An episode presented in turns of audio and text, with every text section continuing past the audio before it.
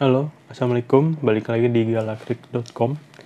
Nah, kali ini kita bakal bahas uh, ide bisnis yang bisa dilakukan di bidang kuliner dan makanan. Jadi, kalau sebelumnya kita bahas kalau makanan itu nggak bakal pernah ada habisnya ya. Karena kan manusia uh, mulai dari pagi sampai malam, dari dia bangun sampai dia tidur, pasti dia butuh yang namanya makan. Entah makan untuk memenuhi rasa laparnya atau memang dia ingin mencoba makanan yang baru atau dia ingin menikmati makanan tersebut. Gitu. Nah, ide bisnis apa aja sih yang bisa kalian coba? Nah, salah satu yang banyak dilirik itu adalah usaha kuliner. Karena kuliner itu sebenarnya nggak terlalu sulit ya untuk dilakukan, tapi keuntungannya dan peluang yang ditawarkan itu juga gak bisa dipandang sebelah mata. Coba kalian pikir target pasar di kuliner itu hampir semua kalangan, mulai dari muda, tua, kecil, kaya, uh, semua butuh yang namanya makan. Nah makanya um, bisnis ini peluangnya paling besar untuk berhasil jadi kalian bisa uh, mencoba lokasinya pun untuk saat ini sangat dimudahkan sekali ya. Jadi kalian itu untuk memulai usaha bisnis kuliner nggak harus lagi yang namanya butuh uh, tempat di cafe atau kalian sewa ruko. Dengan dapur kalian di rumah pun atau di tempat kosan atau di mana pun kalian udah bisa membuka bisnis ini karena yang pertama uh, ada yang namanya ojol ya. Jadi ojol tuh bisa merambah ke mana aja. Jadi kalian bisa uh, yang namanya daftar di ojol atau cukup uh, warung tenda atau di cafe sekalipun di mana pun lah kalian bisa. Nah uh, salah satu ide bisnis untuk wisata kulin usaha kuliner salah satunya adalah catering ya. Nah, kalau kalian tahu, catering itu saat ini, wah, perkembangannya pesat banget guys. Kalian bayangin aja, uh, orang kantoran, uh, ataupun ada acara kantor, arisan, keluarga, biasanya, atau pernikahan itu biasanya, uh, sekarang mereka pada malas masak, ya jadi daripada mereka beli makanan uh, yang ada di sekitar mereka, mereka harus jalan, mereka harus capek-capek cari. Nah, biasanya mereka sekarang bisa catering kalau untuk makan siang ya di perkantoran.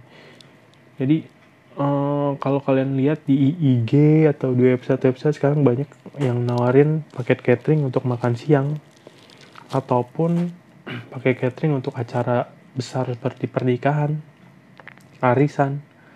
Nah, kalau kalian memang ingin fokus menjalankan usaha ini, sebenarnya modalnya nggak terlalu besar ya. Yang penting uh, kalian punya peralatan masak sendiri, ataupun sebenarnya ya kalau misalnya kalian nggak punya pun sekarang banyak ya jasa penyewaan uh, peralatan masak. Yang penting kalian tuh fok um, fokus mau um,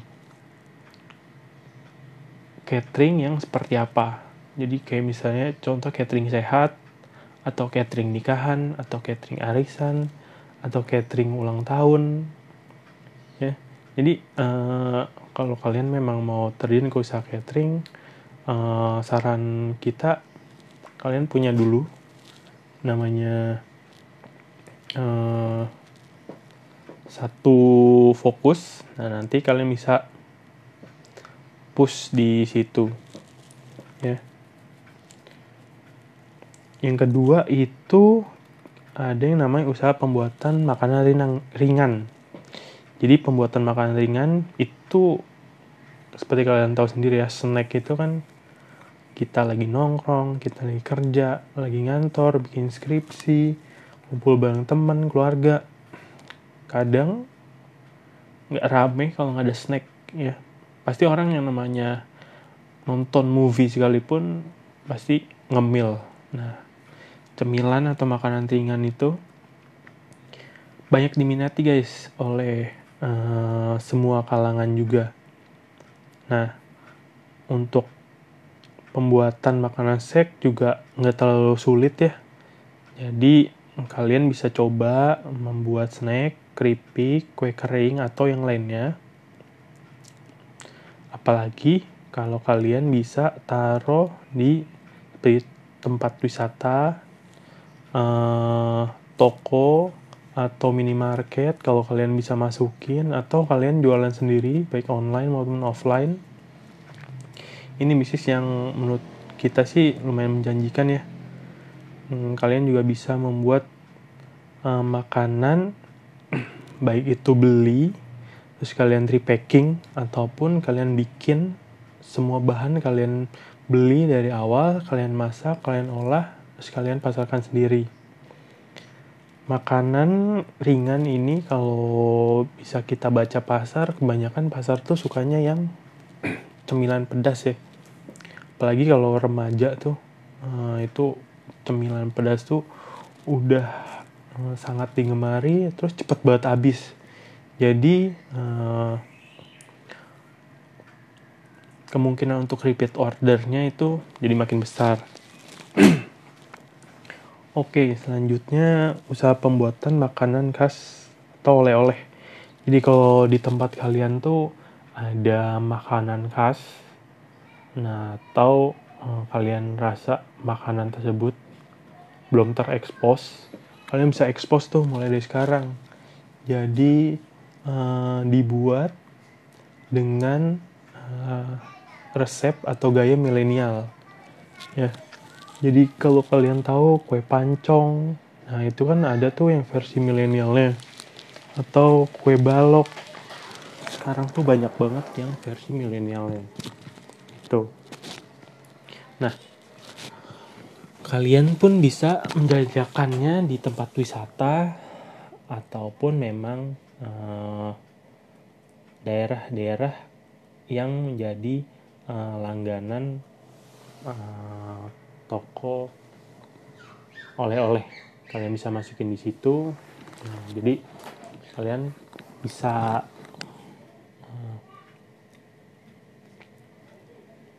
uh, explore ya di daerah kalian masing-masing tuh makanan khasnya apa yang belum diekspos ke luar dan kalian bisa uh, inovasi dengan resep dan gaya kekinian ya. Terus uh, satu lagi us usaha yang bisa kalian lakukan di bidang kuliner yaitu menjual gorengan ya jangan salah dulu nih gorengan itu jangan kalian anggap sebelah mata ya. Gorengan ataupun cemilan di pinggir jalan tuh wah itu omsetnya lumayan banget guys. Jadi uh, banyak sekali penjual di pinggir jalan karena memang targetnya luas ya. Jadi kan uh, nah satu hal yang perlu kalian uh, harus survei yaitu tempat kalian jualan di pinggir jalan. Nah, kalau kalian menjual gorengan tuh yang pertama eh, banyak dilalui oleh orang-orang. Yang kedua, memang variasi ataupun uh, rasa yang kalian tawarkan tuh harus di atas standar ya, biar uh, booming